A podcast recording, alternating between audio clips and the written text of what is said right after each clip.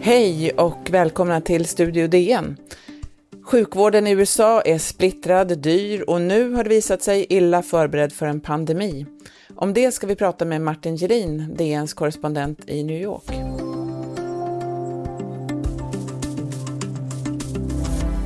Ja, den som i ett tidigt skede sökte sjukhusvård för coronaviruset kunde få hem en räkning på 4 000 dollar. Det är ungefär 40 000 kronor, skriver Martin Gelin i en artikel.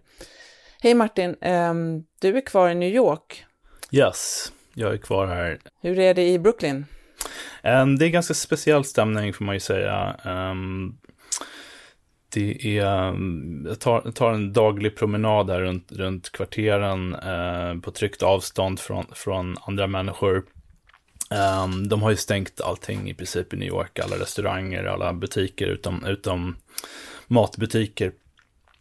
Um, och de flesta man ser på gatorna har, har masker på sig. Um, men, men eh, och det är, ja, man ser många parkeringsplatser som har byggts om till, till um, Eh, att ta hand om eh, folk som behöver testas för, för viruset. Eh, om man ser utanför sjukhusen är det ofta köer med, med folk som också testas eller folk som vill få behandling. Så det är en, det är en, det är en ganska mörk tid, minst sagt. Mm, mm. USA är ju ingen välfärdsstat. Ehm, det innebär ju bland annat att tillgången till sjukvård i hög grad beror på vilken försäkring man har betalat för och att man inte har, det finns ingen generell rätt till sjukpenning. Eh, man kan ju säga att USAs sjukvårdssystem egentligen inte är ett system utan mer av ett lapptäcke. Och under coronakrisen har det där eh, ställts på sin spets. Men det är ju inte riktigt så enkelt som att bara den som är rik får vård i USA.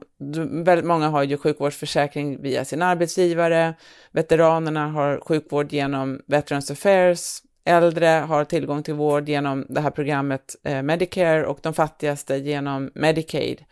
Och genom Barack Obamas sjukvårdsreform, eh, Affordable Care Act från, från 2010, så fick ytterligare tiotals miljoner amerikaner tillgång till vård. Men det är ju fortfarande omkring 28 miljoner amerikaner som saknar en eh, sjukvårdsförsäkring. Ehm, Martin, hur kommer det sig att, att USA inte har ett universellt försäkringssystem som finns i nästan alla andra rika länder? Ja, det, det, det är en lång historia, men, men en vanlig plats att börja på är, är andra världskriget då eh, arbetskraftbristen var så stor att arbetsgivarna här började eh, locka till sig arbetskraft genom att erbjuda sjukförsäkring som en förmån. Um, så det, under 40-talet så, så, så, etablerades uh, helt enkelt den modellen där, där um, man, får, uh, arbets, man får sjukförsäkring via sin arbetsgivare som, som gäller än idag. Under, under, från 1940 så, så var det 9% som hade sjukförsäkring via arbetsgivare. Ett decennium senare var det 63% Så att det har legat på ungefär de siffrorna sedan dess. Så det blev liksom, man ersatte det på det sättet kan man säga. Det finns ju också någonting fundamentalt verkligen amerikanskt i det här, att man inte vill betala för någon annan eller att man vill kunna välja och bara betala för sin egen eh, försäkring.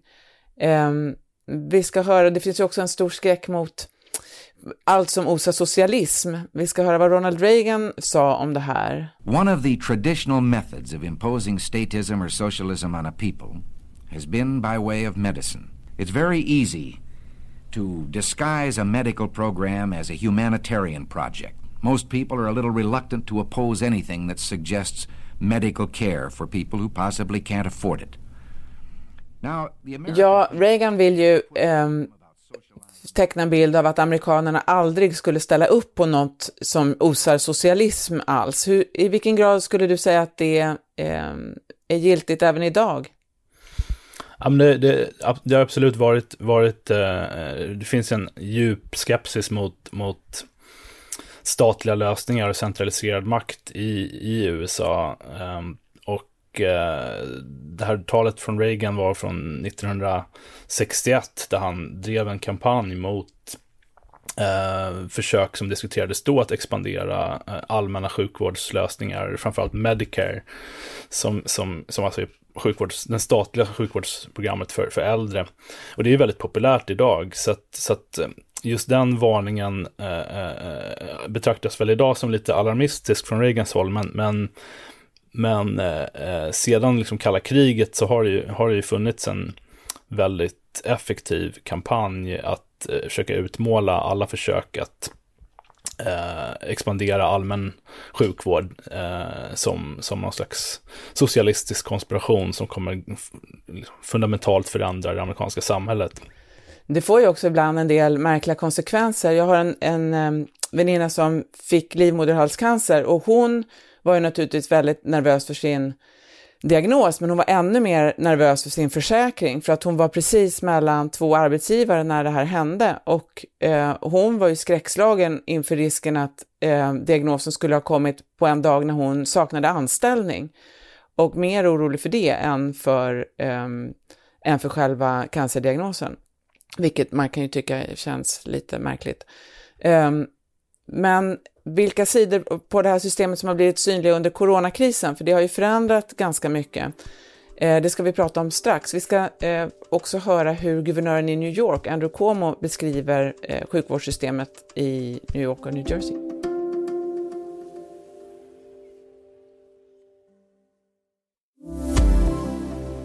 We have public hospitals, we have private hospitals, we have Long Island hospitals, we have New York City hospitals.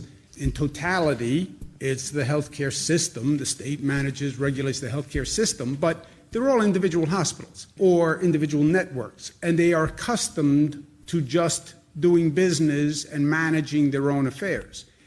Uh, that doesn't work. Andrew Cuomo som är guvernör och har hållit presskonferenser i stort sett varje dag eh, och fått mycket beröm för hans sätt att hantera coronakrisen. Nu beskriver han ju alltså sjukvårdssystemet där han är. Vad, vad var det vi hörde här? Vad är det han beskriver och hur hanterar han det själv? Ja, precis. Han beskriver ju som, som delstatsguvernör hur, hur, hur det här lapptäcket som, som du pratade om tidigare eh, av, av, av liksom olika system. Det finns liksom system på delstatsnivå och på storstadsnivå och eh, New York söker ju förstås federal hjälp eh, för att hantera de hundratusentals som, som är smittade här. Um, så, så det, är ju, det gör det också svårare ju nu för USA att, hantera den här krisen, att, att ehm, systemet är så splittrat.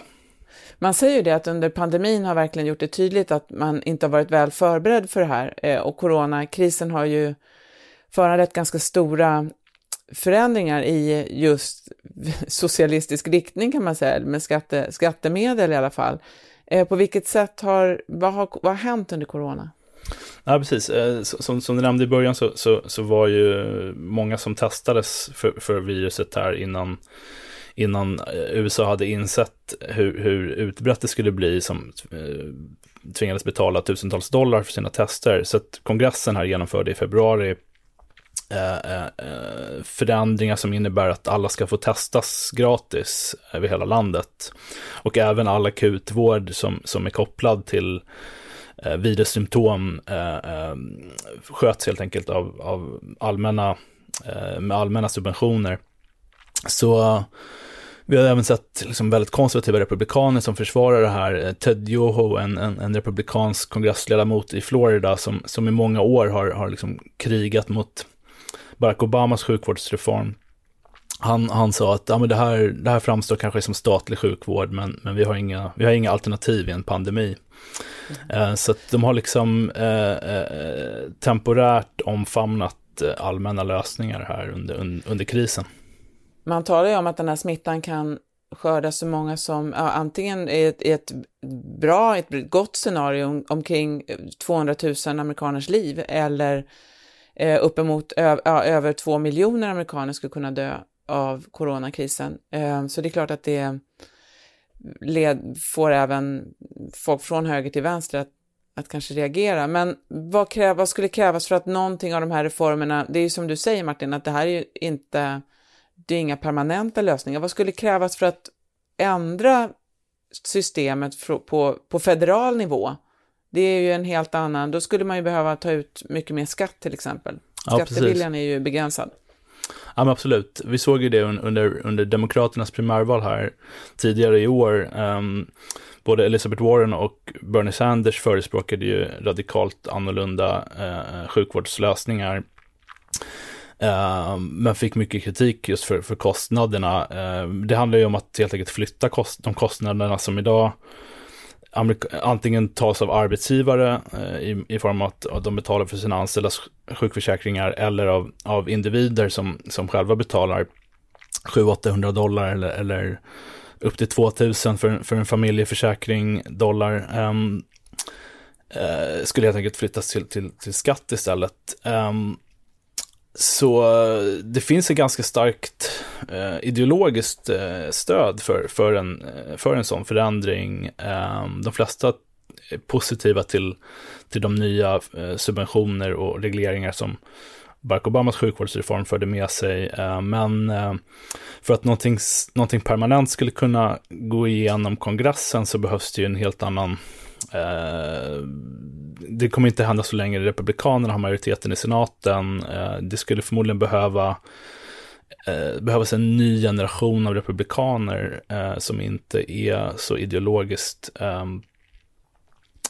benhårt mot allmänna eh, sjukvårdslösningar. Så, det, så det, det, tror jag, det tror jag kommer dröja. Det finns dessutom det här väldigt starka motståndet från intressegrupper i sjukvårdsindustrin, från, från American Medical Association till exempel, som är den stora liksom, lobbygruppen för, för sjukvårdsbranschen och, och från försäkringsbolagen. Och hela försäkringsbranschen, ja. Absolut. Det är en enorm, eh, enorma pengar. Det, det ska man ju också, det nämner ju Como här också, att det är en business. Det är ju eh, stora ekonomiska krafter här eh, och politiska. Absolut. Um, så att det händer nog kanske inte inom den närmsta, eh, det, det sa man ju också oavsett om, alltså vem, det, vem som än skulle vinna valet, det kommer inte hända ändå um, i, i, i rödrappet. Nej.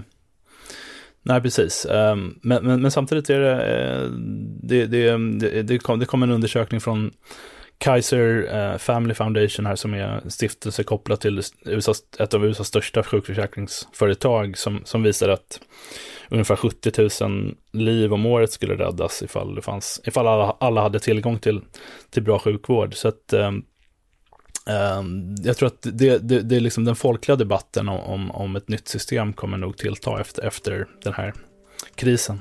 Stort tack för att du var med idag Martin. Tack. Nästa avsnitt av Studio DN sänds på tisdag. Då ska vi prata om vaccin med DNs medicinreporter Amina Mansour. För ljudillustrationerna idag stod AP och The Ronald Reagan Presidential Library and Museum. Studio DN görs av producent Sabina Marmelakai, exekutiv producent Augustin Erba, ljudtekniker Patrik Miesenberger och teknik Oliver Bergman från Bauer Media. Jag heter Sanna Thorén Björling. Vi hörs!